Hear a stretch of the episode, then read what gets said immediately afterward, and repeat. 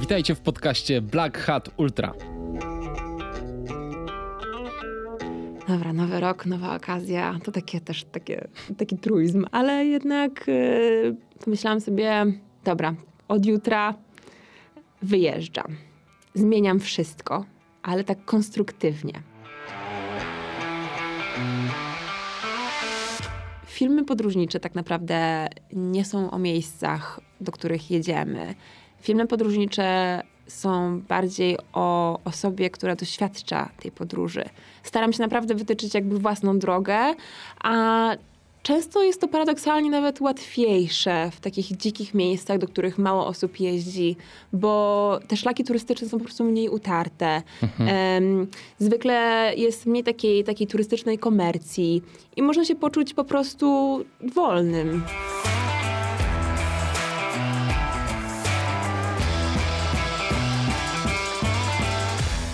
To była Ewa Zubek, vlogerka podróżnicza. Ja się nazywam Kamil Dąbkowski i witam Was w podcaście Black Hat Ultra.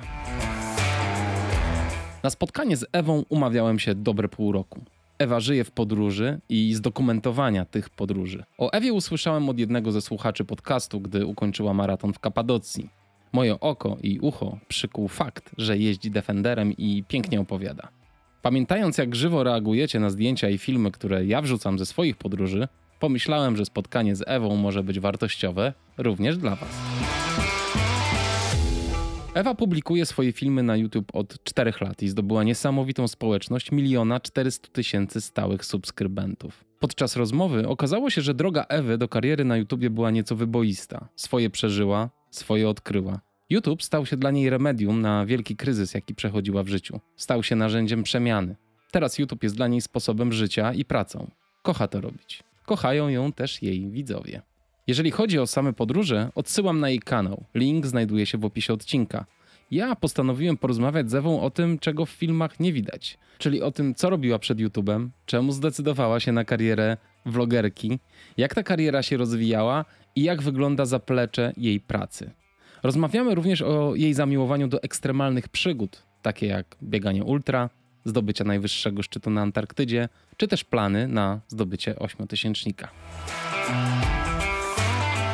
Zapraszam serdecznie na spotkanie z tą niezwykłą dziewczyną, która, jak my wszyscy, szuka w życiu szczęścia i wolności. Posłuchajcie, jak ona sobie z tym radzi. A jeżeli spodoba Wam się ten materiał, to namawiam gorąco do dołączenia do grona patronów i do wsparcia tego projektu pod adresem patronite.pl ukośnik Black Hat Ultra. A teraz zapraszam już na spotkanie z Ewą. Posłuchajcie.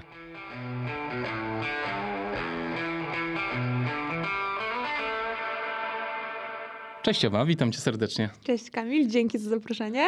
Bardzo dziękuję, że znalazłaś czas w swoim napiętym planie dnia i tygodnia i życia, bo twoje życie przyspieszyło od jakiegoś czasu e, bardzo. To jest trochę chyba absurdalne mieć milion trzysta tysięcy followersów na YouTubie. Oj, tak, jeszcze się policzę te wszystkie inne kanały. Ja nie, ja tego no nie jestem, nie, nie, nie liczę tego i nie chcę tego liczyć i nawet ciężko jest mi to sobie wyobrazić, bo jak wyobrazić sobie taką liczbę ludzi? To jest całe miasto. Jak sobie wyobrazisz, że całe miasto na ciebie patrzy, to od razu wchodzisz w panikę, więc... Tak. Y, no a patrzy jeszcze więcej niż milion. Mówmy się, twoje, ty masz odsłony rzędu tam 5, 7, 9. To przestańmy to, o tym rozmawiać. tak, już nie rozmawiajmy o tym, bo to się można zestresować. Natomiast y, y, powiedz mi, czy ty w ogóle masz jakiś zespół ludzi, team, który na przykład, nie wiem, odbiera wiadomości, odpisuje. Mhm. Masz kogoś do pomocy?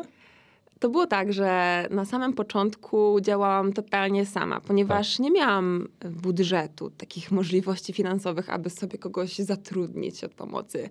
Działałam totalnie na oszczędnościach. To znaczy, po odbyciu kilku lat pracy w tak zwanym korpo, e, zaoszczędziłam trochę pieniędzy, odłożyłam sobie na bok i w końcu uznałam, że wydam te wszystkie pieniądze na podróże. Oczywiście, jak tak się robi w wieku 25 lat. I tak też zrobiłam, więc y, jak wyjechałam po raz pierwszy, żeby nagrywać y, moje filmiki podróżnicze, to y, właśnie działałam tylko na oszczędnościach i wiedziałam, że na przykład starczy mi na półtora roku mhm. takiego właśnie dość budżetowego podróżowania. Ale jeżeli zajmie mi w sensie, jeżeli nie zacznę zarabiać e, szybciej niż za te półtora roku na tych moich filmikach, no to pewnie będę musiała wrócić do pracy w korpo. Tak. Więc dałam sobie takie właśnie półtora roku, aby zacząć e, jakoś to wszystko finansować właśnie z filmów. E, I no, zajęło mi to troszeczkę mniej czasu, ale troszeczkę więcej, aby móc jakby zatrudnić innych. Więc Okay. teraz już po, po, powiedzmy po trzech latach e, montowania sama zatrudniłam e, w zeszłym roku montażystkę, która teraz mi pomaga we wszystkich moich filmach. Super. W zeszłym roku również zatrudniłam asystentkę, asystentkę menedżerkę, która pomaga mi ogarniać logistycznie wszystkie rzeczy. Czyli Nawet- co, podróże na przykład, połączenia, tak, loty i tak dalej? To nadal robię sama, ale Okej. myślę, że to nie To w jakiej logistyce ci pomaga? Na przykład taki e, research dotyczący e, ciekawych miejsc i tematów, negocjacje biznesowe, coś, czego ja jako osoba e, dość kreatywna po prostu totalnie nie ogarniam. Mhm. Więc taki zespół zaczął się powoli budować. No i mam nadzieję, że mm, tylko dalej, prawda? Pięknie, wyskoczyliśmy trochę do przodu, ale to bardzo mnie ciekawiło. Słuchaj, powiedz, co robiłaś na Antarktydzie, bo wróciłaś całkiem niedawno. Tak, wróciłam, mało co tam nie dojechałam. No właśnie, bo tam były jakieś problemy na lotniskach, nie? tak, tak, Gdzieś tak. cię nie chcieli przez COVID chyba puścić dalej, E, czy... Niestety, no nawet y, czasem będąc zaszczepionym w pełni, mając wszystkie dokumenty, y, nie zawsze po prostu da się obejść pewne takie lokalne, powiedzmy, reguły. Y, Ale tak, no po takich właśnie perypetiach w końcu udało mi się dolecieć do Chile, skąd po kolejnych czterech testach na COVID w ciągu czterech dni e, pozwolono mi wylecieć na Antarktydę, gdzie misją było wejście na najwyższą Górę. górę Antarktydy, Mount Vinson. No i po też kolejnych przygodach już na samej Antarktydzie e, udało się, więc wracam z takim poczuciem e, osiągnięcia czegoś wspaniałego. Wspaniale. A jak się w ogóle pojawił pomysł y, z wejściem na ten szczyt? Bo miałaś jechać na długi trip y, przez obie Ameryki, z tego co pamiętam. To się nie udało. Y, Chyba też przez COVID, prawda? Tak, Tak. niestety. Em, No i, i nagle, wiesz, wyjeżdżasz i mówisz wesoło, a teraz, teraz lecę na Antarktydę. Myślę, what? No to jak, skąd się to wziął, wziął ten pomysł? Tak czasem tylko wygląda, no nie? Coś się planuje przez wiele miesięcy, No tak. ale nie chcę się o tym mówić publicznie, Okej. bo a Nie wiadomo, co będzie, nie? Tak, dokładnie. No. Może coś się stanie, może coś nie wyjdzie. Już tak miałam e, przed moim pierwszym takim jakby oficjalnym ultramaratonem na przykład. Mhm. E, oznajmiłam chęć właśnie wzięcia udziału w tej imprezie na moim Instagramie, e, po czym tego samego e, wieczora poszłam sobie pobiegać, Tak. e, upadłam, e, mocno sobie rozwaliłam kolano, usta, w ogóle prawie ząb mi wypadł. Em, no i więc od tamtego czasu staram się za bardzo nie ogłaszać takich intencji zbyt Już- wcześnie. Już jak prawie jedziesz albo już kończysz w ogóle, to wtedy opowiesz o tym. Dokładnie. Jedziesz, zbierasz materiał, jak wszystko się dobrze skończy, to opublikujesz. No, y, Tak, ale, ale taką inspiracją do wejścia Mhm. na Vinson generalnie. e, No wiadomo, najwyższa góra Antarktydy jest e, górą dość e, ekstremalną, nie pod względem technicznym, ale przez to, że jest po prostu w bardzo dalekim miejscu. Ciężko jest się tam dostać. Nie jest to tanie. No i pogoda, Mhm. warunki atmosferyczne są po prostu totalnie szalone. Jest tam tak zimno, tak? tak, jest wiatr, jest naprawdę dość ekstremalnie. No, Tak. Trzeba się mocno przygotować. A jak już tam będąc, no to też trzeba jakby, nie wiem, znaleźć w sobie jakąś tam siłę, żeby wyjść, jak jest na przykład burza śnieżna, nie wiem, do toalety prowizorycznej, która jest za małą ścianką lodu, prawda? No są takie logistyczne po prostu e, ograniczenia, powiedziałabym. E, ale mnie właśnie to totalnie kręci. Takie e, dzikie warunki, oddalone miejsca na końcu świata, gdzie trzeba dojechać długo i potem się jeszcze postarać, żeby w ogóle gdzieś dojść. Ja kocham właśnie takie utrudnienia. Podróż, podróże dla mnie, jako vlogerki podróżniczej, to nie są takie, że u, fajnie pojedziemy sobie na Bali, posiedzimy pod wodospadem, tylko według mnie, dla mnie osobiście podróż jest taką okazją, żeby się sprawdzić, żeby może czegoś nowego doświadczyć, czegoś się nauczyć, nie żeby leżeć e, i odpoczywać, e, bo do tego widzę inne okazje, sposobności, E, ale żeby właśnie coś, jakiś taki nowy challenge jakby. no właśnie, i ty też często jeździsz w miejsca, gdzie ludzie zazwyczaj nie bywają, nie? Tak, staram się właśnie w takie Mhm. miejsca jeździć, bo myślę, że Okej, są wyjątki, tak jak, nie wiem, e, widok na cudowny widok na balony w Kapadocji, tak? To Tak. Na Instagramie to są obrazki bardzo... Ale to wiesz, ale to ja doskonale rozumiem twoją... Sam bym tam pojechał, zobaczyć te balony. Ale jednak większość twoich destynacji to są takie, wiesz, takie, że tam rzadko ktoś tam bywa. Tak, jest fajne. raczej właśnie nie zaglądam do takich, mm, jak to się mówi, guidebooków podróżniczych, Mhm. do przewodników. Staram się naprawdę wytyczyć jakby własną drogę, a często jest to paradoksalnie nawet łatwiejsze w takich dzikich miejscach, do których mało osób jeździ, bo te szlaki turystyczne są po prostu mniej utarte. Mhm.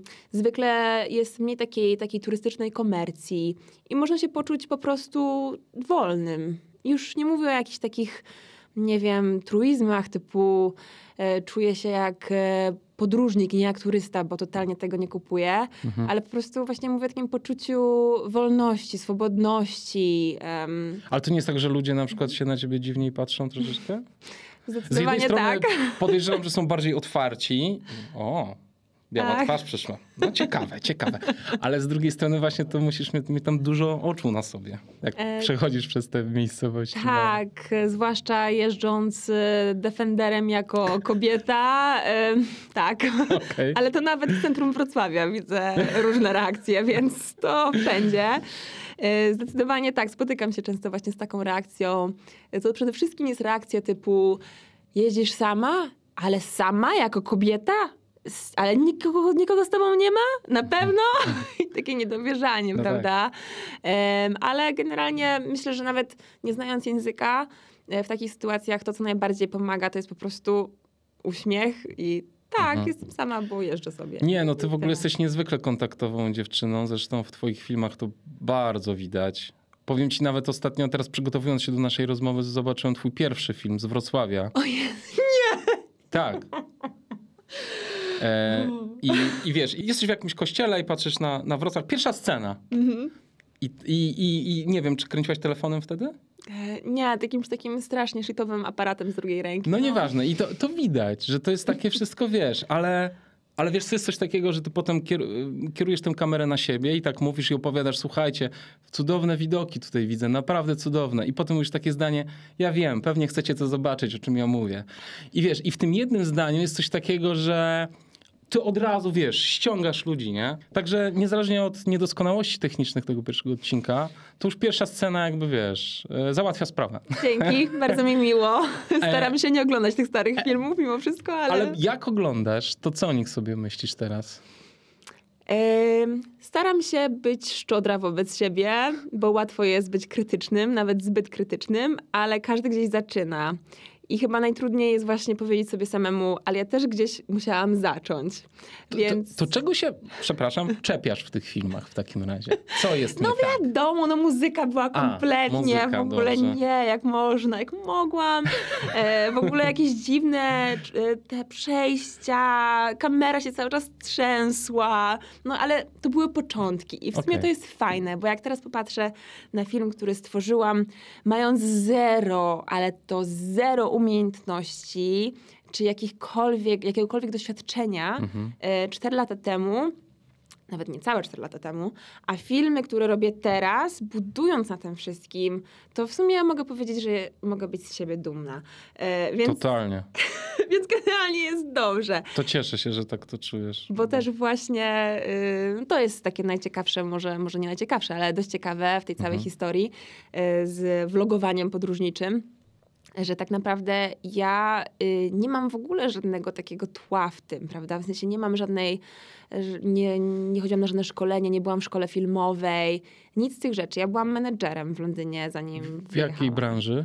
E, w- Też w e, podróżniczej, e, też w medialnej, no ale mimo wszystko e, nigdy nie miałam okazji, żeby działać tak, tak hands-on, no nie? Czyli nigdy Mhm. nie, nie Nie filmowałam byłaś w terenie niczego. też. Mhm. Mm, Po prostu e, mam, byłam menedżerem teamu kreatywnego, prawda? Mhm. Więc jakby patrząc właśnie na te stare filmy, też przypominam sobie, że okej, ale to były w ogóle takie pierwsze chwile, gdzie podniosłam kamerę i w ogóle próbowałam się domyśleć, okej, dobra, którym guzikiem teraz muszę operować i na co mam przełączyć, bo ja nie znam tych ustawień, nie wiem co się dzieje, a karta SD już pełna, nie wiem co teraz zrobić i to wszystko było takie nowe. Tak. Więc oczywiście, że to było y, nie takie perfekcyjne, nadal nie jest, ale było początkiem i w sumie fajnie.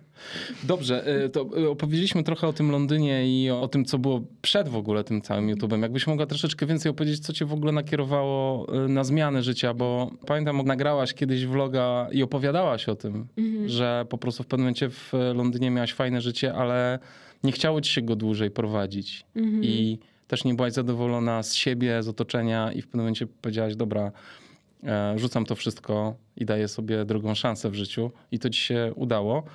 Ale powiedz, e, co to było za miejsce, do którego dotarłaś mhm. i czemu musiałaś dokonać zmiany? Mhm. No wreszcie jest okazja, żeby być może moi dziadkowie zrozumieli to tak tą historię, bo e, no to wiadomo, ma się tam naście lat, 20, kończy się powoli studia, zaczyna się myśleć co dalej.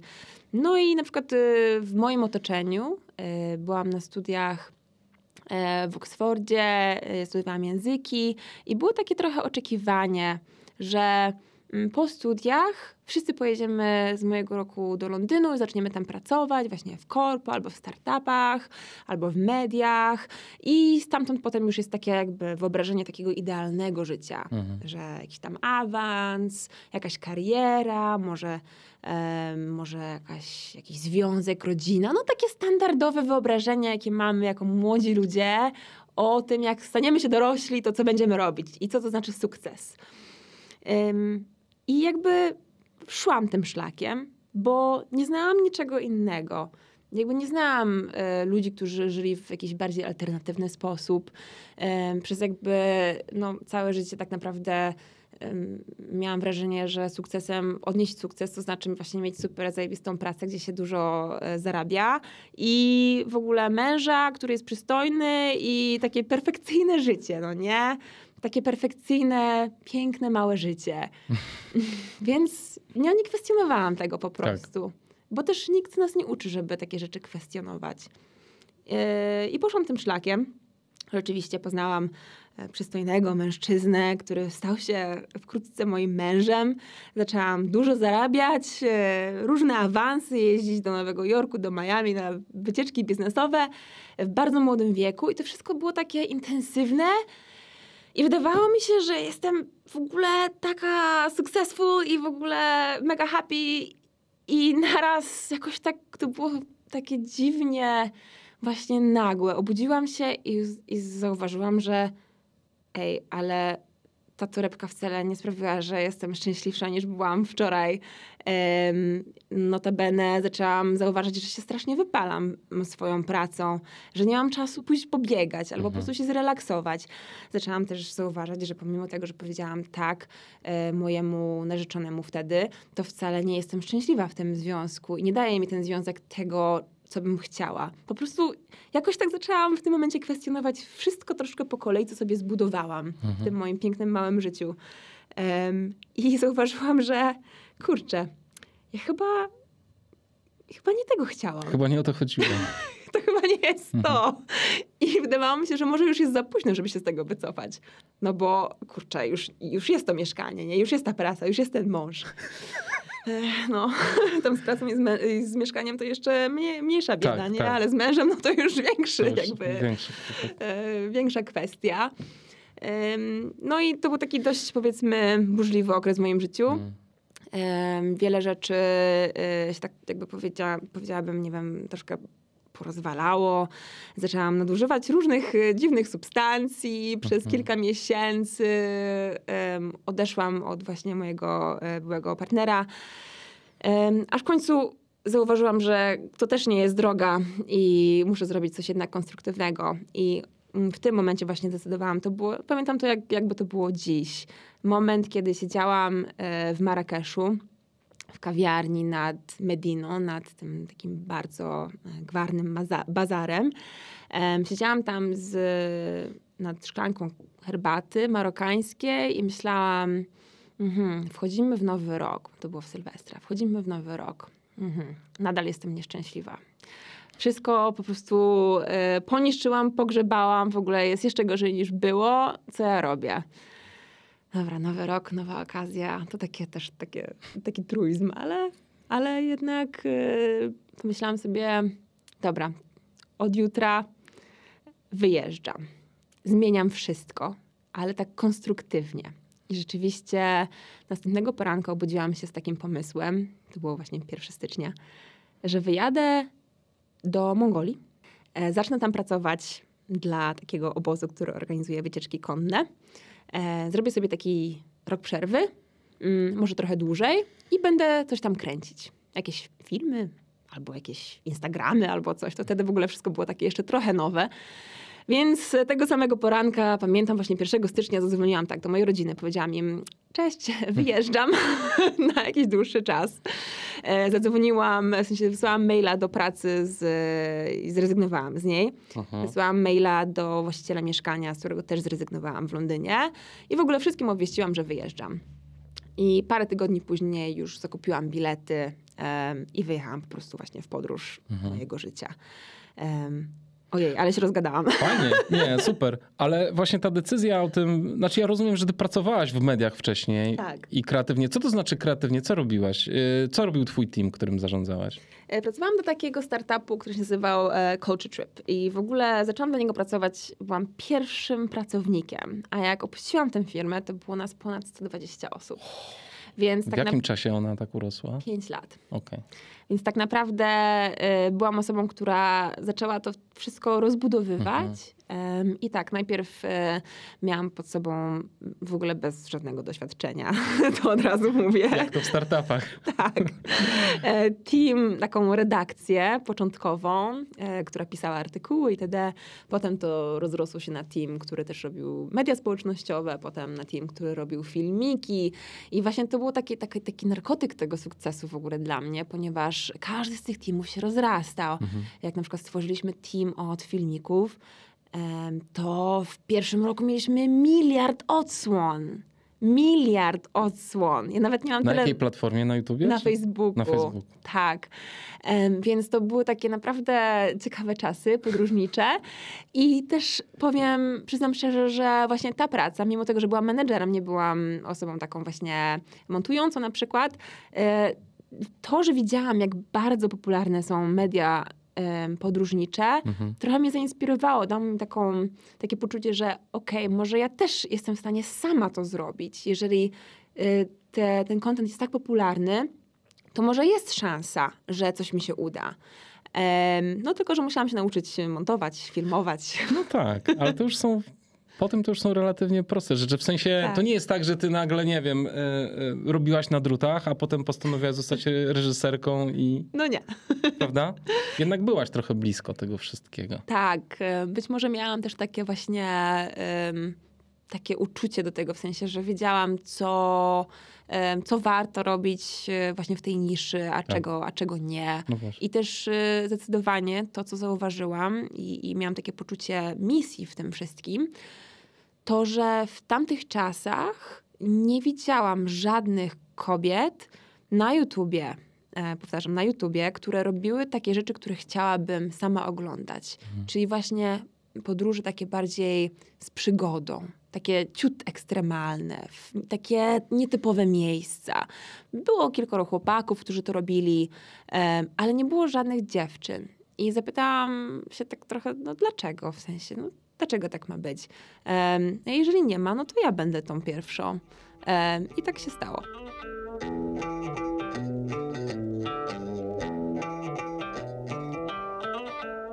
Już rozumiem teraz proces, dlaczego YouTube i dlaczego filmy. Miałaś pewne umiejętności, y, może nie techniczne, ale wiedziałaś też, twoja świadomość była zbudowana dosyć mm -hmm. mocno, czyli wiedziałaś właśnie, co można osiągnąć takimi filmami i jak ten content powinien wyglądać, tak. żeby przyciągnąć ludzi. Opowiedziałaś, że siedziałaś w Marrakeszu nad Mediną, ale swój pierwszy film zrobiłaś we Wrocławiu. E, to nie była wcale jakaś daleka, długa podróż. E, po prostu postanowiłaś zrobić to, co było najbliżej ciebie na początek? Tak. E, myślę, że to jest też tak, że jak się zaczyna, to mhm. ciężko jest zacząć, bo się trochę czeka na taki idealny moment na taką idealną, perfekcyjną okazję. I to jest błąd, bo zacząć można tak naprawdę wszędzie i w każdym momencie. Nie ma takich wymówek, że nie, bo to nie jest dobry czas. Mm -mm. Jak się chce, to można. Mhm. I dlatego Wrocław, ponieważ y, ja sama byłam w takiej sytuacji, gdzie wmawiałam sobie, że nie, nie, jeszcze, jeszcze tego nie będę montować, jeszcze tego nie będę filmować. Nie, pojadę w ogóle za granicę i dopiero tam zacznę robić, nie? Ale zdałam sobie szybko sprawę, że właśnie tak naprawdę buduję jakieś y, płoty, gdzie ich tak naprawdę nie ma. I prokrastynujesz po prostu też Tak. przy okazji. Tak, wmawiam sobie, że to nie jest jeszcze to. Kiedy film podróżniczy można zrobić wszędzie. Absolutnie. I dla, dla mnie Wrocław może jest miastem, które dość dobrze znam, ponieważ tam stamtąd jest moja rodzina, ale dla kogoś to jest podróż. Koniec to jest, świata. Tak, tak, to jest cel podróży, więc dlaczego nie? Tak. I, I właśnie powstał ten pierwszy epizod z Wrocławia, ale mam nadzieję, że nikt go nie obejrzy, bo Mam nadzieję, że wszyscy go obejrzą. Ja specjalnie podlinkuję. Będzie pierwszy link. O Boże. Nie, to jest właśnie fajne. E, Fajna jest ta skala porównawcza. E, e, zwłaszcza też jeszcze, kurczę, tobie to naprawdę zajęło 3 lata. To 3 lata temu zrobiłaś ten film. Cztery, no. Prawie. Tak. To jest piorunujące tempo, w jakim się rozwijasz i w jakim ci rośnie ten kanał. To jest, to jest fascynujące. To był Wrocław, a potem pierwsza twoja destynacja, gdzie pojechałaś z kamerą już tak w pełni świadomie, że będziesz realizować filmy? To był Nepal, oczywiście. To był Nepal, wspaniały. Oczywiście, Okej. tak. To Nepal, czyli taka mekka właśnie tych Szwędaczy. Dokładnie. Dokładnie. I to też było w sumie takim trochę przypadkiem, ponieważ zaprosił mnie, e, a tam kolega z, e, skądś tam, Mhm, żebyśmy poszli razem na Everest Base Camp. mhm. I dla mnie to tak naprawdę, nie wiedziałam czego się mam spodziewać. Nigdy nie byłam mm, wcześniej osobą, która uważała się za taką lubiącą naturę. W sensie po prostu lubiłam moje życie wtedy w mieście, moje piękne małe życie w mieście. Lubiłam sobie siedzieć na balkonie, pić kawkę i patrzeć na ludzi. Więc y, to, że mieliśmy wejść gdzieś pod górę, gdzieś daleko, w ogóle jakiś trekking przez dwa tygodnie, to było takie dla mnie, dla mnie trochę y, ekstremalne, a zdecydowanie nowe. No ale powiedziałam sobie, okej, dobra, skoro y, będziemy robić, y, zaczynamy coś nowego i w ogóle chciałabym jeździć w nietypowe miejsca, tylko że wtedy jeszcze natura jakby w tym wszystkim nie była, y, no to dobra, to jedziemy, zaryzykuję. No i wybraliśmy się. I powiem szczerze, że ten trekking do Everest Base Camp, tak samo jak dzisiaj, pewnie dla mnie byłby łatwy, jeżeli ośmielę się tak powiedzieć, ponieważ moje życie trochę się od tamtego czasu zmieniło. Tak samo wtedy to była chyba najtrudniejsza rzecz, jaką ja zrobiłam w życiu. To było tak trudne. Faktycznie. Zaczęłam tak, no bo po prostu nie miałam wtedy w ogóle kondycji, nie miałam głowy do tego, nigdy czegoś takiego nie robiłam, w ogóle nigdy nie byłam na takiej długiej wędrówce. Więc e, pamiętam właśnie, było takich parę momentów, taki jeden moment właśnie pod sam koniec, gdzie była taka góra, tak, taki, taki, taki, taka, taka góra, no teraz po, powiedziałabym pagórek, nie? Ale wtedy była taka góra i tam chyba było, trzeba było wejść 500 metrów przewyższenia i to było wtedy tak strasznie trudne, że ja wchodziłam z tym plecakiem pod tą górę. Mój kolega w ogóle się tam pobiegł, no nie? E, I ja wchodziłam i po prostu płakałam, bo było mi tak ciężko. Ale zabawne, jak to się bardzo zmienia, prawda? Tak, bo trzy lata później robisz 200 mil po e, wzgórzach Kilometrów, bałkańskich. kilometrów, E, 200 kilometrów. kilometrów po wzgórzach bałkańskich. No tak, z plecakiem. Tak, no życie się... I dronem w plecaku i wszystkim w plecaku. Dokładnie. Bardzo się to wszystko zmienia w życiu i, i fajnie tak właśnie sobie powspominać i zobaczyć, jak kiedyś było i jak to się zmieniło, bo to też daje wiarę w siebie, nie? No właśnie, y, w ogóle zbudowałaś tak naprawdę całe, całą firmę dużą wokół siebie. Jesteś takim przedsiębiorcą w tej chwili pod nazwą Ewa Zubek. No, po prostu. To jest, y, to jest total. Ja, jak ci z tym jest w ogóle teraz? Nie czujesz się czasem troszeczkę przytłoczona tym wszystkim? Ty możesz czasem zwolnić tempo i dwa tygodnie nie brać kamery do ręki? Czy nie? Mm, Ciężko. mogłabym, No. ale nie wiem, czy, czy darowałabym to sobie. Ojej. To znaczy nie, tak, tak na serio, No. to y, mam w planie niedługo wakacje Mhm. i chciałam sobie zrobić dwa tygodnie nauki surfingu w Meksyku. Bez kamery. Ale już wiem, że to się nie stanie, bo na pewno kamera będzie częścią tego, ale planuję to zrobić tak totalnie na luzie. Okej. Em, ale rzeczywiście bywa tak, no jak każdy przedsiębiorca dobrze wie, mm, to jest takie życie 24-7, nie? Mhm. nie? Nie chodzisz do pracy od 9 do 17, nie ma takiej opcji, ponieważ to wszystko wisi na tobie, jest to twoja odpowiedzialność. A na YouTubie czy na Instagramie y, jest też to, że y, zawsze masz na sobie wiele oczu.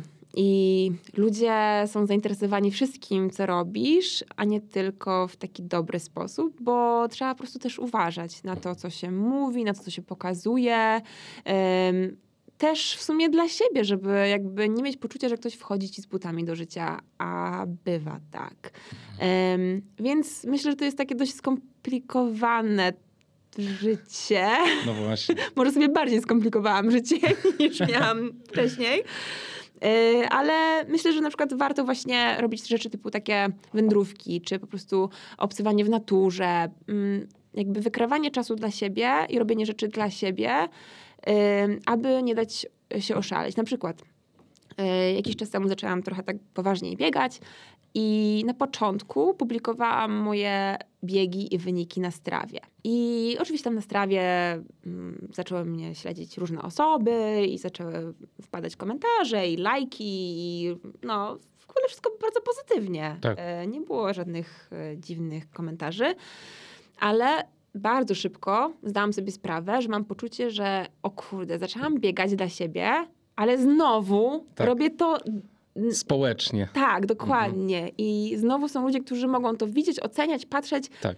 I po kilku tygodniach zupełnie wyłączyłam strawę i już jej na przykład, znaczy już nie publikuję moich w ogóle wyników biegów e, w internecie. No chyba, że zrobię jakieś fajne zdjęcie, bo akurat pójdę sobie biegać. Okej. Mhm. Ale już jakby no staram się nie dawać sobie tej takiej presji dodatkowej, e, bo bieganie jest dla mnie. Tak. I, I to jest czas dla mnie i w sumie nie obchodzi mnie, czy ktokolwiek na to patrzy i czy to jest według nich dobre, czy złe. Po prostu lubię to robić dla siebie. Więc myślę, że właśnie w takim życiu warto jest mieć takie, takie małe rzeczy, które się robi tylko dla siebie. Taki wentyl bezpieczeństwa troszeczkę. A powiedz właśnie o tym bieganiu, czy i w ogóle mm, y, o twojej relacji ze sportem. Czy kiedyś był jakiś sport w twoim życiu, inny poza bieganiem? Czy... Nie. Nie. w ogóle e, jestem jedną z tych osób, które e, nigdy nie uprawiały sportu jako dziecko. Ja byłam bardziej e, molem książkowym. Mhm. Pamiętam, jak e, w, ja potrafiłam siedzieć, nadal potrafię siedzieć dwa dni czytając książkę i w ogóle nie wychodząc z domu, no nie? Więc byłam tym dzieckiem, które siedziało w rogu i czytało grzecznie książkę. Mój tato jest trenerem tenisa, moja mama grała półprofesjonalnie w squasha, e, ale ja po prostu byłam takim No tak. wyjątkiem. E, I to dopiero tak naprawdę e, zaczęłam mm, brać na poważnie, jak już byłam dorosłą osobą. Mhm. Ale przed podróżami jeszcze? tak, zaczęłam mm, biegać więcej właśnie mieszkając w Londynie. A co to Ale- znaczy więcej? Więcej. Bo wiesz, bo my tu biegamy strasznie A dużo. nie, wy to w ogóle biegacie bardzo dużo. Więc ch chcę wiedzieć, co to dla ciebie To ja- znaczy To więcej. ja powiem, biegałam mniej. Nie, nie. Nie no, biegałam tak, e, pracując w Londynie, Mhm. biegałam tak jak moi znajomi w Londynie, czyli idziemy sobie pobiegać dwa razy w tygodniu, w weekend jak jest ładna pogoda, w ogóle super, po może 10 kilometrów, nie? Okej. To było takie bieganie takie, żeby się trochę poruszać, No tak, tak, rekreacyjne. tak, o. tak, tak. E, więc w ogóle nie byłam osobą sportową. Mhm. A, a na przykład sporty drużynowe to już w ogóle. Em, więc to dopiero zaczęło tak naprawdę wychodzić, jak właśnie rozpoczęłam ten taki nowy tryb życia podróżniczy. Zaczęło mnie bardziej fascynować to, co jest na zewnątrz, natura, w ogóle outdoor, e, wędrówki. Zaczęłam w ogóle, zdałam sobie sprawę, że fajnie jest wędrować z plecakiem i spać w namiocie. Wow, jak fajnie, tak dziko, nie?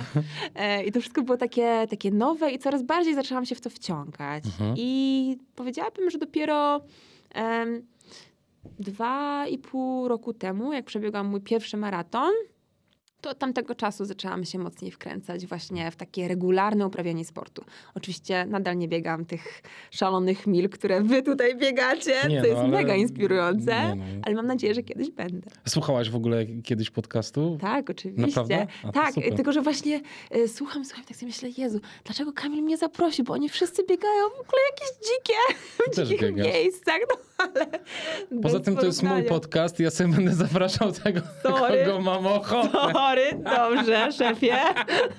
Już nic nie mówię. Nie, no, y, bardzo mi się spodobała twoja postać. Zresztą ja ciebie poznałem właśnie przez naszego wspólnego kolegę, który mi powiedział, ej, słuchaj, jest taka fajna FK, ona pobiegła tę Kapadocję, tam wtedy Dominika Stelmach zajęła jakieś ładne Mhm. miejsce, pierwsze albo drugie, Chyba pierwsze, tak. chyba pierwsze. I e, e, ja sobie patrzę e, FK, patrzę sobie YouTube i sobie tak oglądam. E, wtedy byłaś na etapie mniej więcej przesiadania się chyba, albo ja wpadłem e, na Land Rovera, na Odyssey. Tak. Co od razu mnie złapało, bo ja mam też słabość do tego samochodu. Więc zacząłem, cofnąłem się kilka odcinków i zacząłem oglądać, jak to było. E, Także to jest wszystko połączone. Wszystko ma związek z bieganiem i z ultra. No tak, wszystko się na to, od tego zaczyna i na tym kończy. Oj, kończy się różnie, ale, ale dużo rzeczy w moim życiu się od tego zaczyna, rzeczywiście. Okej, bieganie rekreacyjne, e, bieganie maratonu. E, To był w Londynie? Ten maraton? Mój pierwszy maraton przebiegłam w Irbilu w irackim Kurdystanie. Ach, no tak, masz filmik o tym. Tak, teraz pamiętam. Dobrze. E, On był płaski czy z przewyższeniami? On był bardzo płaski, bardzo. Bardzo, bardzo. Dobrze, a potem e, skąd pomysł na ultra w górach? Bo zrobiłaś tę kapadocję 63 km, przypomnijmy. Mhm.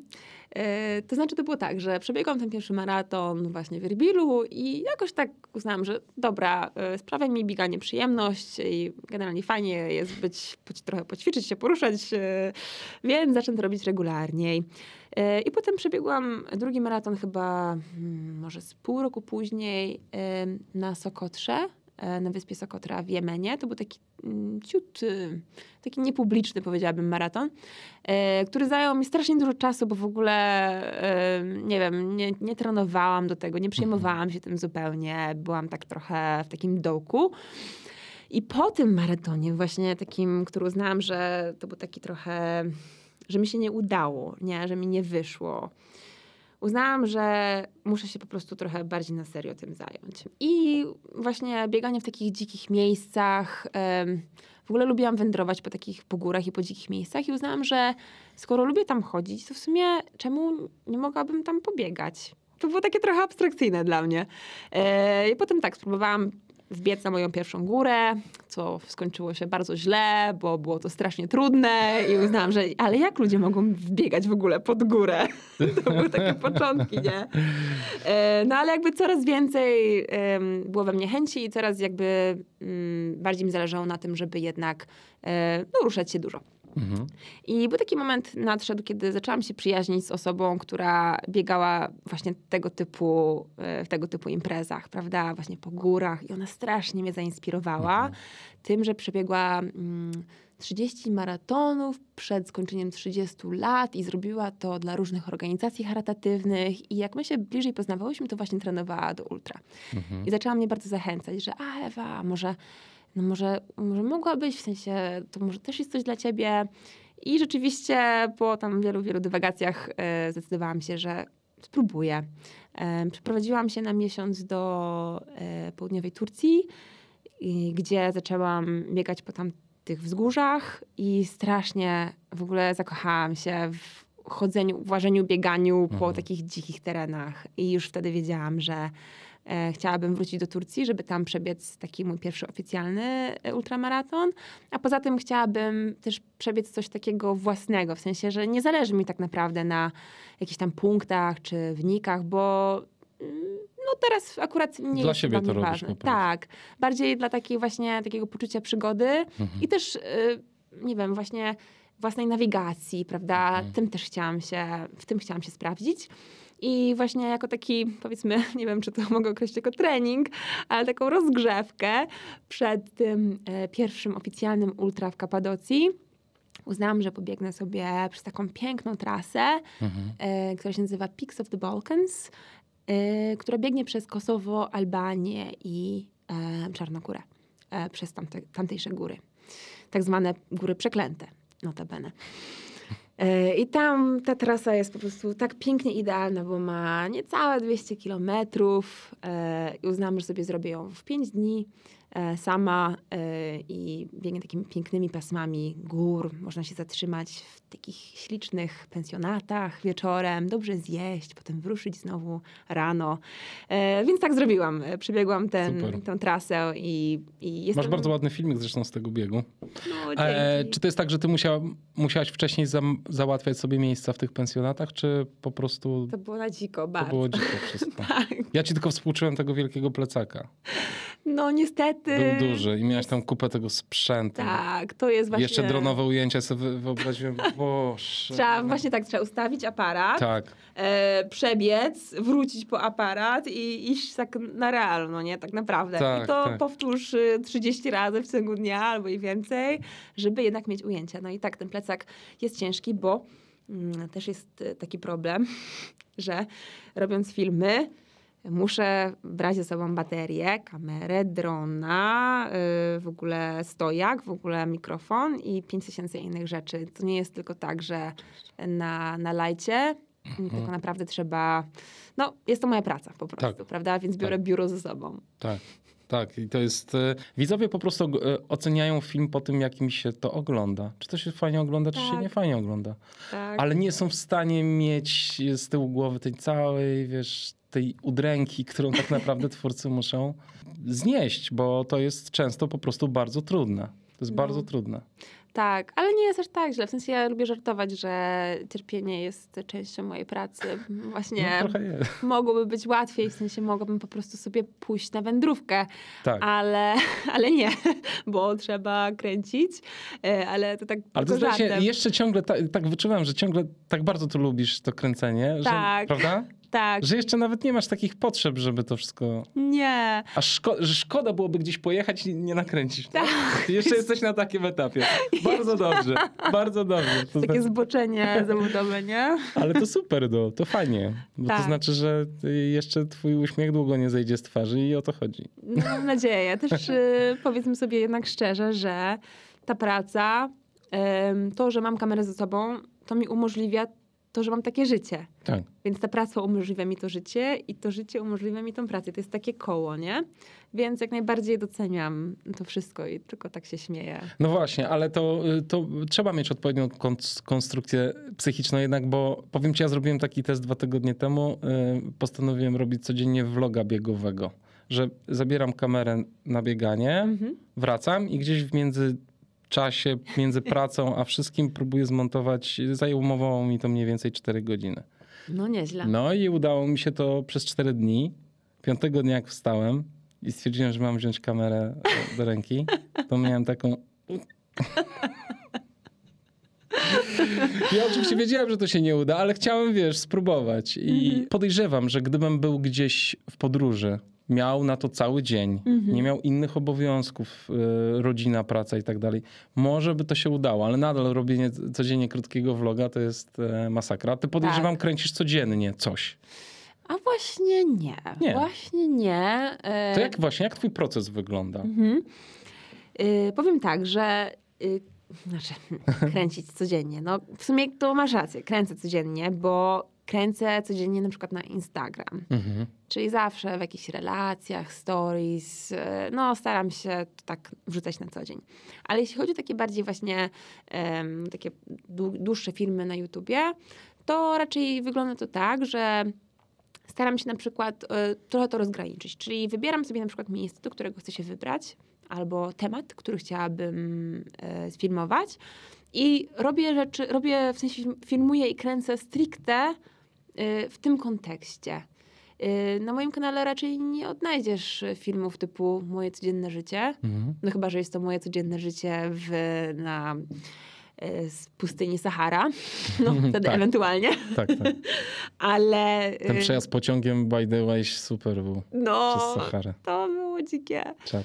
No. Em, no, no. Ale właśnie mm, y, to są filmy takie bardziej y, tematyczne Mhm. na moim kanale, prawda? Więc y, to też mi y, oszczędza sporo nerwów, bo nie muszę po prostu kręcić cały czas Mhm. i każdego dnia. Po prostu y, jest temat, jadę tam, robię na ten temat, wracam, montujemy na ten temat i tyle. Tak. I jakby wiedziałam od samego początku, że tak chciałabym robić, ponieważ na przykład znam osoby w tym środowisku podróżniczym, które są na przykład parę osób, które mm, rozpoczynały tak naprawdę tę niszę podróżniczą na YouTubie, które publikowały codziennie em, i żyły takim życiem totalnie, według mnie, paradoksalnym, odwrotnym od tego, co reprezentują podróże, bo stały się więźniami swojej, tak naprawdę swojego kanału Mhm. i musiały publikować codziennie, bo musiały, bo tak było. Tak naprawdę to jest abstrakcyjne, Abstrakcyjne. nic nie trzeba. Tak. Em, więc osoby, które niby są takie wolne i podróżują cały czas i w ogóle super, są swobodne, ale mimo tego każdego wieczora o godzinie 16 kończy się dzień podróży, siadasz i montujesz. Mhm. Czy wysyłasz montażyście. Nie możesz wyjechać nigdzie, gdzie nie ma internetu, bo No nie właśnie. jesteś w stanie wrzucać. No to jest straszne. Dla mnie to jest po prostu kolejne, Tak. kolejny rodzaj więzienia, więc y, zrobiłam to po prostu trochę inaczej. No właśnie, jak często publikujesz teraz filmy? Co tydzień. Co tydzień. Nie, nie masz większych przerw czas, czasami? Bywają. Czasami. Tak, na przykład wyjeżdżając na Antarktydę wiedziałam, że Aha. nie będzie mnie online przez trzy tygodnie, więc y, no, wybaczyłam sobie to, że tam przez dwa z tych trzech tygodni nie, po prostu nie było nowego Okej. filmiku. Zdarza się. I teraz jest tak, że wszystko montuje twoja montażystka? W większości tak. Mhm. Mm, Mamy taki system ułożony, gdzie ja oczywiście wszystko kręcę. e, Piszę scenariusz e, do Mhm. tego filmu już po fakcie nakręcenia wszystkiego. Ona przejmuje ten scenariusz i jakby na jego podstawie e, tworzy pierwszy montaż, potem jest druga wersja, Mhm. czasem trzecia, a ja jakby zwykle e, kończę tą taką ostateczną, już jakieś dodając jakieś tam mini dodatki, A, czy jakie na przykład? na przykład jakieś tam efekty dźwiękowe, albo Mhm. zmieniam jakąś piosenkę, albo podmieniam jakiś klip, albo dodaję takie ostateczne voice-overy, tego Mhm. typu rzeczy, prawda? No tak, voiceover. I ty publikujesz na YouTube'a? Tak. Okej. Mhm. Nie, jeszcze nikomu nie oddałam e, kontroli nad swoimi kanałami. To jest. e, To jest. e, To musi być trudne w komunikacji z kimś z zewnątrz, no bo jednak. Kurczę, troszeczkę tego internetu potrzeba, żeby przesłać tę ilość danych, prawda? Mhm. To musi być logistycznie. Tak, wydaje mi Ile się, to że... trwa zazwyczaj? O, to zależy. Na przykład tak. e, Zależy, gdzie jesteś. Tak, tak, tak. No, y, powiem tak, jeżeli na przykład ostatnio jak byłam u moich dziadków, z którymi jestem bardzo, bardzo blisko w Polsce, Tak. Nie masz pierogów ze sobą? niestety, Nie, ani nie. pączków, Nie, które moja babcia dobra. robi takie pyszne. Ale ostatnio e, byłam u nich, jaki, no już jakiś czas temu Mhm. e, i właśnie próbowałam wrzucić jakieś pliki.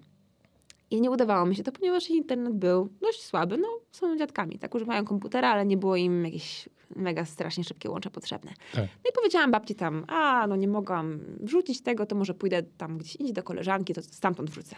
No to babcia następnego dnia zadzwoniła do mm, internetu i poprosiła, żeby w ogóle wrzucić najszybszy internet, jaki istnieje. Ja, nie wiem, jeden gigabajt na sekundę wystarczy? A ja tak, co? To jest w ogóle możliwe? Okej. Więc y, no, w dniu dzisiejszym moi dziadkowie mają najszybszy internet, jaki kiedykolwiek widziałam, gdziekolwiek. Y, Wow. Bardzo słodko z ich strony, ale y, tak poza tym to rzeczywiście bywają momenty, kiedy na przykład nie wiem, mam przepiękny materiał skądś, y, powiedzmy właśnie, nie wiem, z Sahary, e, prawda? Jestem w Mauretanii, wchodzę do hotelu najdroższego w mieście, bo wiem, że tam raczej znajdę najszybszy internet, więc wczekowuję się tam e, po południu na jedną noc, żeby po prostu wszystko wrzucić. E, Wchodzę do internetu, a tam po prostu wyświetla mi się e, 35 dni, zanim wszystko się zaploduje, a ja tak okej. Więc e, bywają po prostu też takie chwile, gdzie no Odechciewa się troszeczkę. trochę się odechciewa i No, ale co wtedy robisz? Y, Mhm. Przenosisz się do innego miejsca, szukasz lepszego internetu, czy czekasz te 35 dni? Tak, wysyłam wiadomości, dzwonię do Okej. innych hoteli, pytam, jaki macie internet, czy da się Aha. coś zrobić. No pamiętam, że miałam taką sytuację, jak po tym jak weszłam na Kilimandżaro, to wróciłam do miasta, do Aruszy w Tanzanii i internet był tak słaby wszędzie, że zmontowałam film sama po Mhm. prostu. Już nie wysyłałam go do montażystki, bo wiedziałam, że to będzie po prostu niemożliwe. E, musiałabym po prostu wylecieć z kraju e, albo polecieć do innego dużego miasta, aby móc to wszystko wrzucić. Więc są takie logistyczne problemy, No, ale zawsze znajdzie się jakieś wyjście, prawda? Techniczne pytanie. W jakiej rozdzielczości kręcisz? HD czy 4K? HD. HD kręcisz. To Tak. troszkę, troszkę lżej. Yy, no, yy, E, Jaką kamerą głównie kręcisz? Soniaczem teraz? tak. Sony ma. Sony yy, A37, A7. Aha, A37. Mhm. tak. Yy, od dwóch lat mam tą kamerę i jest naprawdę super. Mhm. Nie, no ta kamera jest spoko. Tylko No. trochę ciężka. Tak, ale wiesz, w sumie dobrze. Nie, no nie, no tak, tak, oczywiście. E, obrazek jest e, bardzo ładny. Zauważyłem, że ty czasem korzystasz e, z operatorów, prawda? Mhm. Tak. Bo czasem te obrazki są troszeczkę bardziej dopracowane, no i przede Mhm. wszystkim masz jednak ujęcia czasami, że idziesz ulicą, Tak. ulicą i nic nie trzymasz w rękach. Tak, tak, tak. E, to jest zwykle tak, że No. e, na własny kanał zazwyczaj kręcę po prostu sama, bo e, bardzo prosty powód, bo ja lubię jeździć sama. Mhm. I trochę mi nie pasuje taki, taki, takie zdjęcie, że jestem ja i ktoś obok mnie w mojej pięknej, mojej cudownej Odysei e, siedzi obok mnie i mnie cały czas filmuje. No nie. Jeżdżę, bo lubię, po prostu lubię sama jeździć. I Tak. tyle. Tak. Ym, ale właśnie są produkcje, czy tam mm, okazje, gdzie właśnie pracuję z operatorem, ponieważ na przykład y, mam jakiś budżet określony, bo robię film, który jest sponsorowany przez jakąś firmę, albo robię film na kanał jakiejś innej publikacji. Więc to też zależy.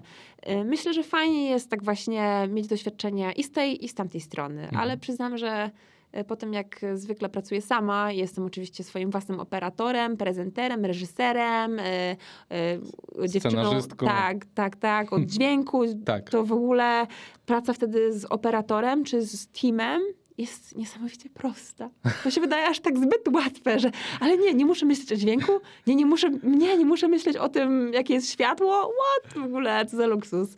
Więc tak. e, fajnie jest tak czasem sobie e, dać właśnie. jest.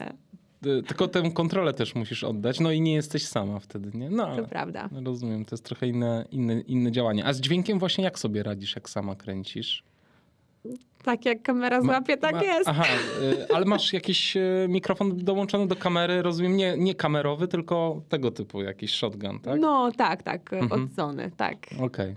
A ile ci zajmuje, jeżeli sama musisz zmontować odcinek, to ile czasu ci zajmuje mniej więcej montaż? Wiesz co, montaż według mnie jest w ogóle em, totalnie niedocenioną sztuką. Absolutnie najważniejsze. Tak, W sensie na montażu powstaje film de facto. tak, dokładnie. No. Dokładnie. I montaż y, zajmuje, no może zająć tyle czasu, ile się chce tak naprawdę. Takie najprostsze filmy, powiedziałabym, to jest dla mnie dzień, Mhm. y, może z 8 godzin. Mhm.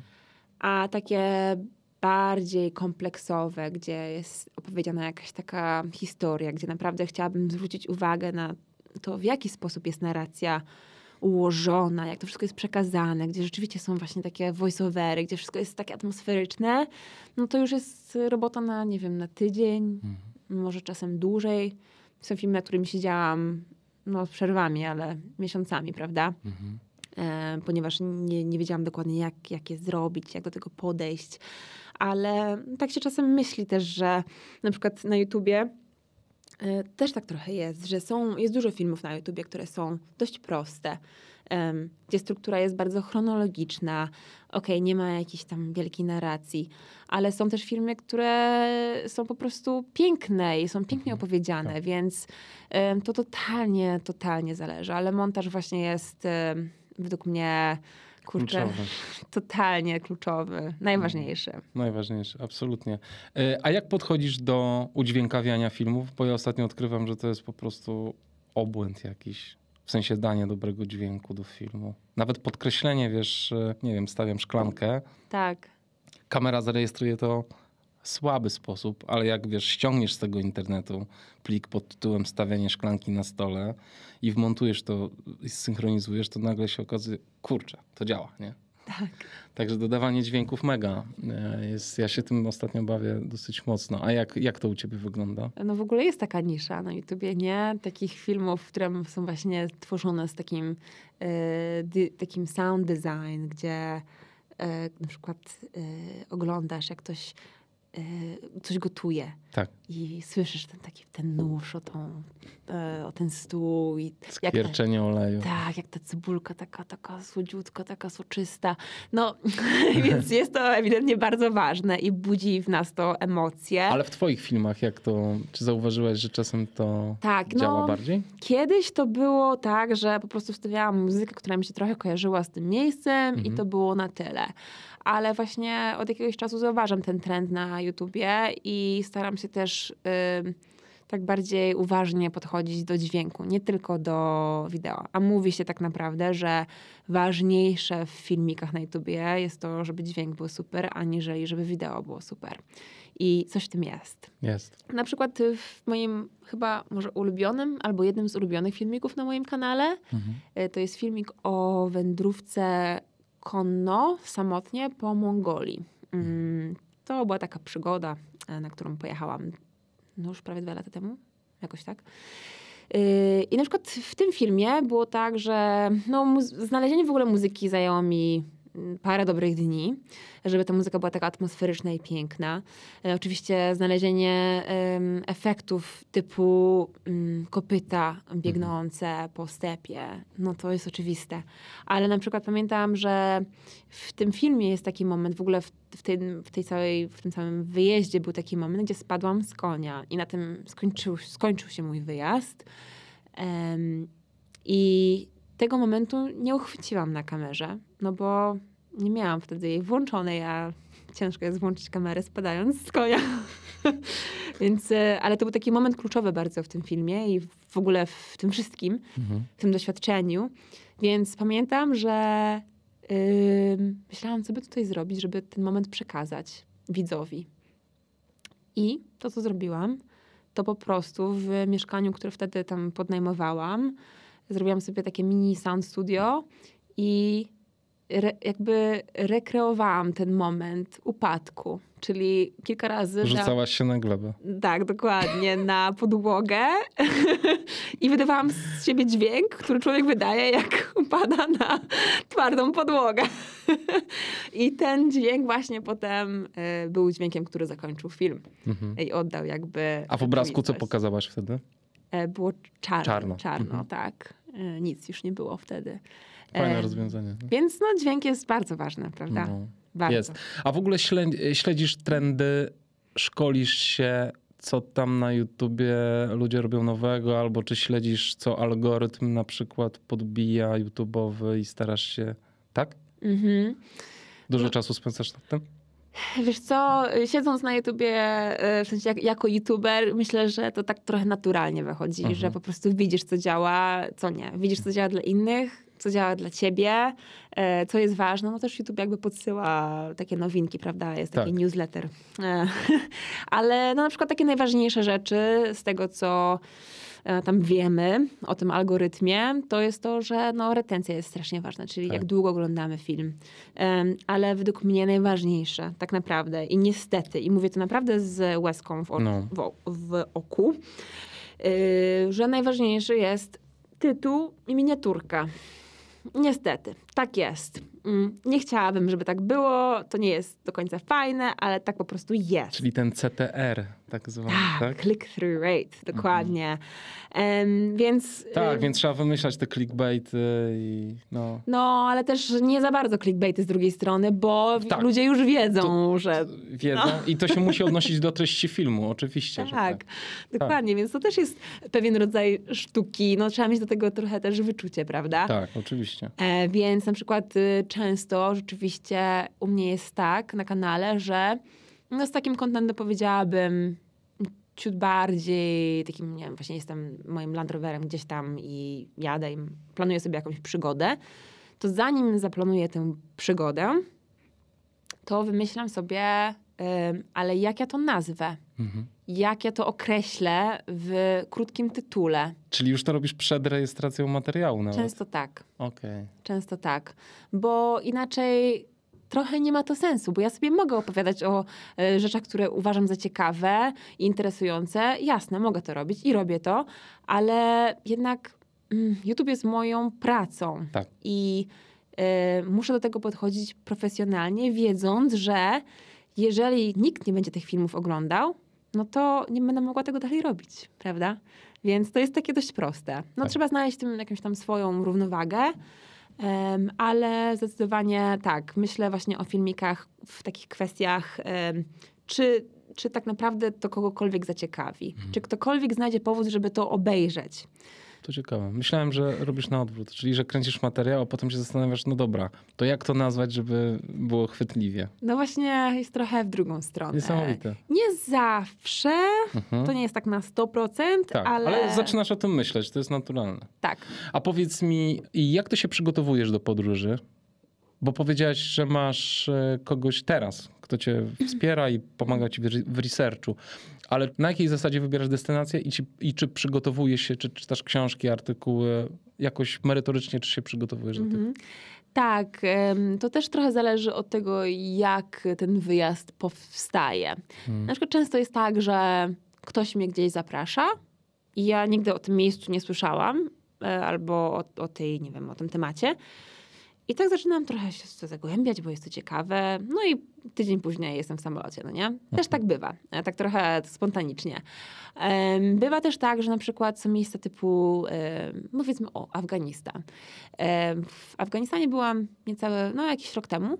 Em, e, Tuż przed tym, kilka miesięcy przed tym, jak Taliban przejął kraj. E, I do Afganistanu ja się wybierałam od no, dwóch albo trzech lat, ponieważ poznałam tam ludzi, z którymi byłam w kontakcie. Wiedziałam, że na przykład oni organizują festiwal narciarski i że chciałam koniecznie na ten festiwal pojechać.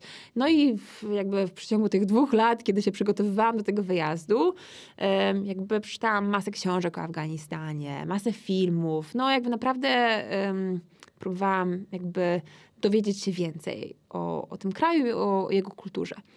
E, Więc są takie wyjazdy, prawda? Ym, takie marzenia. I w końcu się spełniają i jedziemy, robimy super filmy.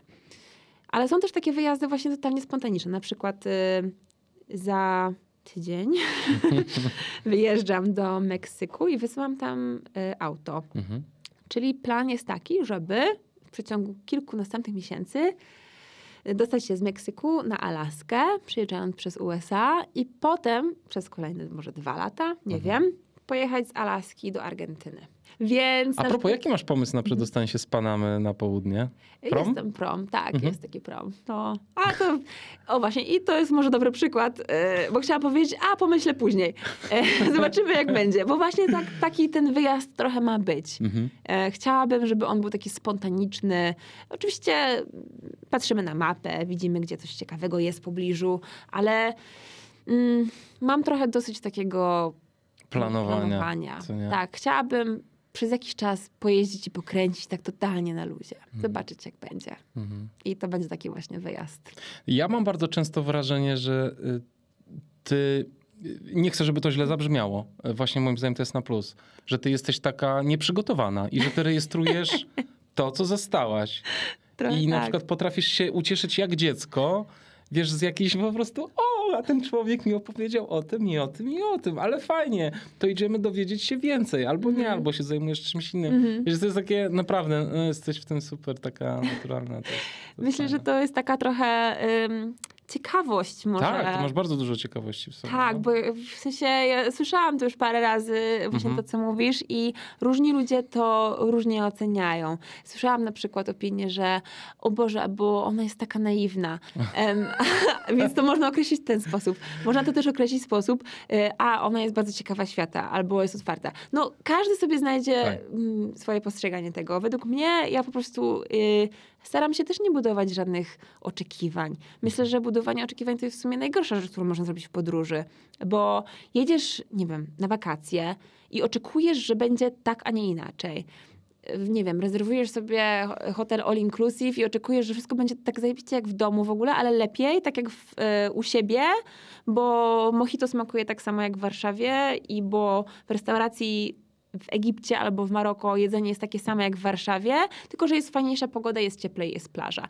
No, różne sobie oczekiwania budujemy, ale według mnie fajne jest tak pojechać i dać się po prostu ponieść Mhm. temu wszystkiemu i oddać się temu doświadczeniu. Jakby dać sobie otworzyć trochę umysłu na coś totalnie nowego i nieoczekiwanego. I taką właśnie trochę wyznaję filozofię w tych podróżach. I to widać, to jest fajne i myślę, że to przyciąga bardzo ludzi do ciebie. Bo owszem, to zależy, co kto lubi. Lubię to, Tak. co powie, to, co powiedziałaś, że ludzie mogą uważać cię za naiwną. No ale okej, no są kanały, gdzie wyjdzie pan profesor i dokładnie opowie, wiesz, w jakim stylu architektonicznym jest dany budynek, tak? Tak. Tylko, no, to są inni odbiorcy po prostu do takich filmów, a ty Tak. robisz swoje i to jest najważniejsze. Tak. E, No, No, no mów, mów, mów. opowiadaj. Nie, tylko Nie, powiedz, jak masz, możesz skomentować koment. właśnie o tym, o tym e, profesorze. Tak. E, to jest też tak trochę, wydaje mi się, że mm, filmy podróżnicze tak naprawdę nie są o miejscach, do których jedziemy. Filmy podróżnicze są bardziej o osobie, która doświadcza tej podróży. E, myślę, że wiele więcej mówią o tej osobie, która jest przed kamerą, niż o samym miejscu. Bo ja nie jestem w stanie powiedzieć ci, ile ludzi mieszka w danym mieście. Nawet w Warszawie nie mam pojęcia, ile ludzi mieszka w Warszawie i w sumie trochę mnie to nie obchodzi. Em, ale to, co mnie obchodzi, to jest to, jak się czujesz, gdy stoisz e, pod Pałacem Kultury, jak smakuje pączek na Chmielnej i w ogóle w jakim, jak brzmi język, w którym ludzie mówią. Em, to, że jest jakiś fakt i że jest jakiś styl architektoniczny, okej, fajnie, można się o tym dowiedzieć, ale tak naprawdę to chyba nie o to chodzi w podróżach, tak naprawdę. A twoim zdaniem, dlaczego ludzie lubią oglądać w ogóle filmy podróżnicze? Dobre pytanie. Bo ja uważam, że uwielbiają po prostu. Tak, uwielbiają. Ale może. Hmm, może trochę. Bo jakby jak wyruszasz w podróż, taką właśnie, okej, otwierasz filmik podróżniczy na, na YouTubie i robiąc to, klikając w ten filmik, tak naprawdę ty też wyruszasz w taką metaforyczną podróż. Em, I jak mówię, niekoniecznie w to miejsce, ale wyruszasz w podróż z kimś, kto też tego miejsca nie zna. Więc jakby razem odkrywacie coś nowego. Mhm. I może tutaj coś właśnie, czegoś można się doszukiwać. Że to jest Podróżują razem z tobą po prostu. tak, i że tu też myślę, że nie chodzi tak naprawdę o miejsce aż tak bardzo, jak to, że razem coś robicie, że razem patrzycie na nowo, od nowa na coś, że wszystko jest takie ciekawe i inne i razem to przeżywacie. I może coś w tym jest. No i właśnie wydaje mi się, że to twoje podejście, y, nazwijmy to w cudzysłowie naiwne, jest właśnie świetnie się sprawdza. W sensie właśnie to moim zdaniem przyciąga ludzi totalnie, bo ty nie starasz się być kimś innym, Mhm. tylko po prostu jesteś sobą i ten twój optymizm zaraża widzów. Ewa, słuchaj, będziemy kończyć, nie chcę cię więcej trzymać, ale powiedz mi, bo to możemy, wiesz, długo. E, ile filmów opublikowałaś na YouTubie już? Bo ja nie, nie, nie policzyłem. Matko, ja tego też nigdy nie 100? uczyłam. 200? Więcej? No nie wiem, s- No dobra. 150, 200, No ma- nie, max 200. W każdym razie, powiedz mi, to, to, to jest trochę do oglądania. Zachęcam wszystkich. E, Ja nie, prze, nie, nie przebrnąłem przez wszystko. Nie dziwiecie się? E, Nie, po prostu nie mam fizycznie czasu, ale tam sobie wiesz, nadrabiam zaległości. W każdym razie sprawiasz wrażenie osoby, która no niczego się nie boi właściwie. I która właśnie e, uwielbiasz doświadczać i się tym dzielić. Czy są takie rzeczy, których wiesz, żebyś nigdy nie chciała spróbować? Nie. Nie wiem. E, Których się po prostu boisz, na przykład, nie wiem, lotu na paralotni, albo nurkowania w głębokich jaskiniach, albo, nie wiem, pływania z rekinem, cokolwiek. Czy jest coś takiego, czego Ewa Zubek, ja tego nie muszę robić, słuchajcie. Są takie rzeczy? Są rzeczy, których nie muszę robić, bo nie mam takiej ochoty. O właśnie, jakie to są rzeczy? Dobra, teraz się wkopałam. Eee, czego nie miałabym ochoty robić? No, nie miałabym ochoty okładać się wężami na przykład. Okej. Nie to, żebym tego nie zrobiła, gdybym jakiś challenge się pojawił, ale po prostu nie wiem, nie ciągnie mnie do tego. No właśnie, o, to, o taką odpowiedź mi chodziło. A na przykład, nie wiem, e, jedzenie robali żywych w, Jadłam. Puszczy Amazońskiej? Zanim stałam Jadłaś. się wegetarianką, e, próbowałam e, mrówki, e, różnego rodzaju robaki w Meksyku. Okej. w takiej Jakie, restauracji, jakie to która- było? Spoko? Tak, generalnie było bardzo smaczne. W sensie super. Mhm. Mm, Więc No dobra, węże, co jeszcze? em, Co ci się wydaje na przykład takie niebezpieczne może? Że, że obawiałabyś się fizycznie o siebie, czy ty to w ogóle przetrwasz? Są takie rzeczy? Myślę, że wszystko można przetrwać, jak się do tego No ja wiem, można. przygotuje. Tylko czy są takie rzeczy, które jak o tym mówię, czy wzbudzają w tobie jakieś obawy? Tak teraz, tutaj. Nie to, że się teraz możesz przygotować do czegoś, nie o to chodzi, tylko teraz, tutaj. Nie, dziękuję. Są takie rzeczy? No myślę, myślę, myślę. Tak widzisz, tak mnie z nienacka przyłapałeś, że naprawdę nie wiem. E, No okej, może to nurkowanie w jaskini. To brzmi tak trochę... Okej, nie wiem, Ale nie wiem. nurkowałaś w ogóle kiedyś? E, tak, nie, nie przekonałam się do tego, ale potem jak zaczęłam e, robić freediving, to bardzo się przekonałam i właśnie za kilka tygodni planuję zrobić kolejny kurs, ale, mm, ale nie ciągnie mnie do takiego nurkowania z butlą, na przykład. Okej. To nie jest po prostu mój vibe. Wolę być na ziemi, stąpać po ziemi i wchodzić na wyżyny, aniżeli mm, schodzić z A butlą. jaskinie w związku z tym? Chodzenie po jaskiniach? Nie, są spoko. Jaskinie Mokro są i spoko. ciemno? Jest okej? Jest fajnie, no, jest fajnie. I są fajne dźwięki w jaskiniach i taki, taka, taki klimacik, taki, em, ten taki zapach jaskiń jest całkiem, całkiem fajny. Jest, ale ciężko się tam filmuje. Trzeba, No, dużo, trzeba dużo światła. To dla siebie trzeba robić. dla dla siebie, siebie. tak. Dobrze, Ewa, dziękuję ci strasznie za spotkanie. To ja dziękuję. Bardzo dziękuję, że znalazłaś chwilę, żeby mnie odwiedzić i pogadać. E, Ja wiesz, zawsze e, widzę, jak e, ludzie, słuchacze wspaniale reagują, na przykład jak wrzucam różnego rodzaju zdjęcia z podróży i zawsze to są, to są żywe reakcje, więc myślę, że bardzo się ucieszą na te twoje opowieści i jeszcze bardziej na poznanie twojego kanału. Mam nadzieję, tylko nie oglądajcie tego filmu z Wrocławia. Proszę. No dobra, nie oglądajcie. Podlinkuję. Dziękuję ci strasznie. To ja dziękuję. Bardzo i- miło, było miło. Dziękuję. I e, Meksyk, rozumiem. Meksyk, USA. E, a, a we wrześniu mój pierwszy ośmiotysięcznik. Który? Manaslu? Wariatka jest. Nie, to, to ty jesteś wariatem. Wariatka. Ośmiotysięcznik. Y, Ja nie muszę chodzić po ośmiotysięcznikach. W sensie y, to jest na przykład, y, jakbyś mnie zapytał, to ja nie muszę, bo to jest po prostu zbyt niebezpieczne. Ja mam córkę, wiesz. Dobra.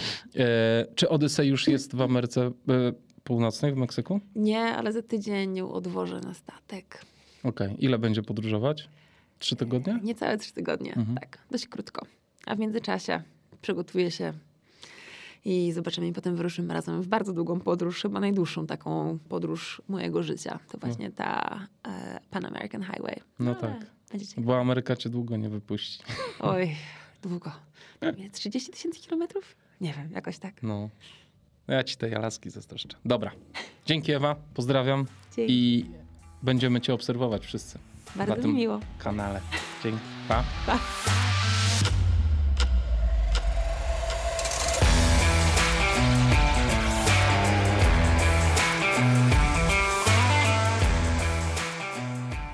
Po naszej rozmowie Ewa wyruszyła do Pakistanu. Teraz jest już w Stanach Zjednoczonych. Odyssey, czyli jej Defender, troszkę się spóźnia i przypłynie do Ewy z trzytygodniowym opóźnieniem. Kto wie, może teraz, słuchając podcastu, Odyssey jest gdzieś na Atlantyku, zamknięta w kontenerze. Mam nadzieję, że dobrze znosi chorobę morską. A jaki ty masz stosunek do podróży? Czy byłbyś gotowy, czy byłabyś gotowa na takie samotne podróże w odległe miejsca, tak jak robi to Ewa? Jaka była twoja największa podróż? Co masz w planach? A może raczej wolisz obserwować, jak to robią inni? Moje doświadczenie mówi mi, że tak jak wszystkiego w życiu, podróżowania też trzeba się nauczyć, żeby ten czas i środki poświęcane na podróże był wykorzystany jak najlepiej. Podróże potrafią być męczące. Trzeba je tak planować, aby mieć chwilę oddechu. Podróże potrafią też nas wiele nauczyć, ale dobrze jest przed wyjazdem poświęcić chwilę na zapoznanie się z podstawowymi informacjami na temat destynacji, do których zmierzamy, zwłaszcza jeśli lubimy zwiedzać zabytki architektury. Dobrze jest też zejść z utartych szlaków i nie latać z biurami podróży, ale po prostu zabukować kwaterę na booking.com lub Airbnb i po prostu wsiąść w samolot. Dla mnie osobiście spędzenie dwóch tygodni w hotelu all inclusive nie jest podróżowaniem. To są wakacje. A dla ciebie, kiedy zaczyna się podróż?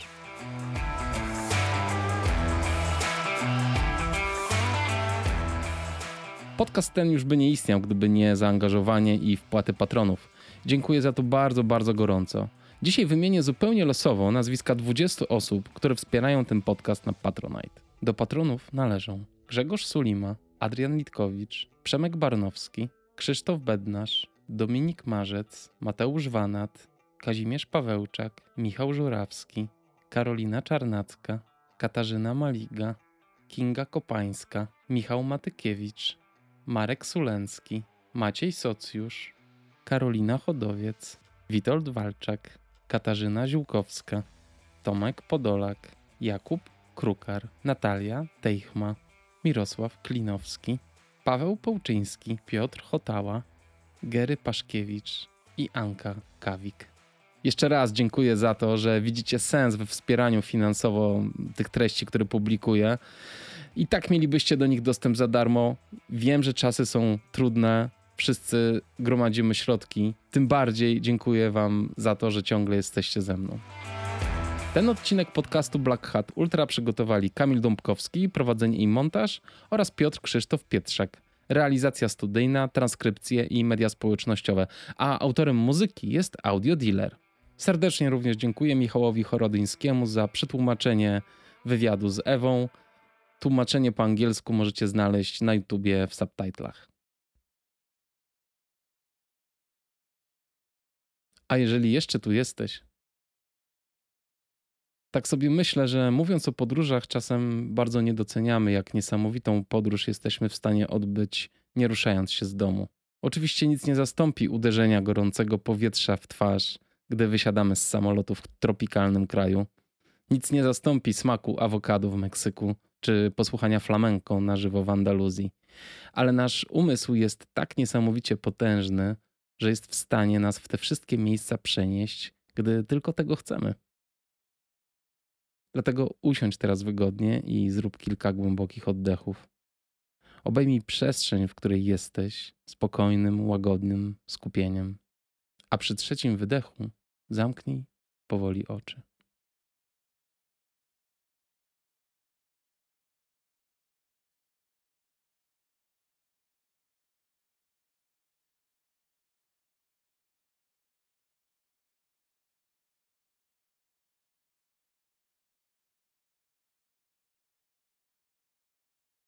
Zwróć teraz uwagę na dźwięki, które cię otaczają. Zauważ je, zaakceptuj. Nie będą ci już przeszkadzać. Oddychaj teraz powoli, tylko przez nos. Wciągnij powietrze nosem, zwracając uwagę, jak reagują Twoje nozdrza. Wypuść powietrze również nosem i zauważ, jak czujesz wydychane powietrze na górnej wardze?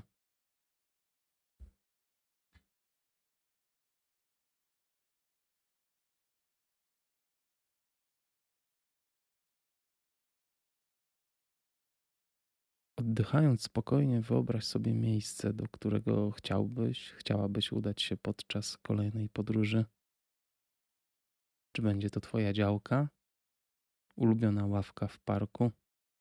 A może będą to odległe krainy, inne kontynenty, wysokie szczyty, jaskinie, pustynie, jeziora lub morza. Pozwól swojej głowie odbyć tę podróż.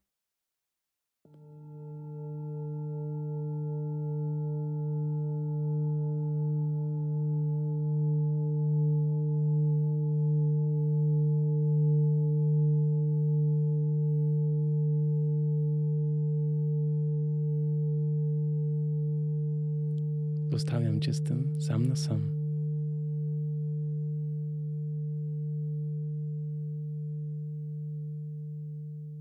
A teraz wróć powoli myślą do miejsca, w którym jesteś. Wyobraź sobie siebie siedzącego, siedzącą. Przywołaj do swojej świadomości powoli dźwięki otoczenia i ciągle powoli oddychając nosem, otwórz oczy.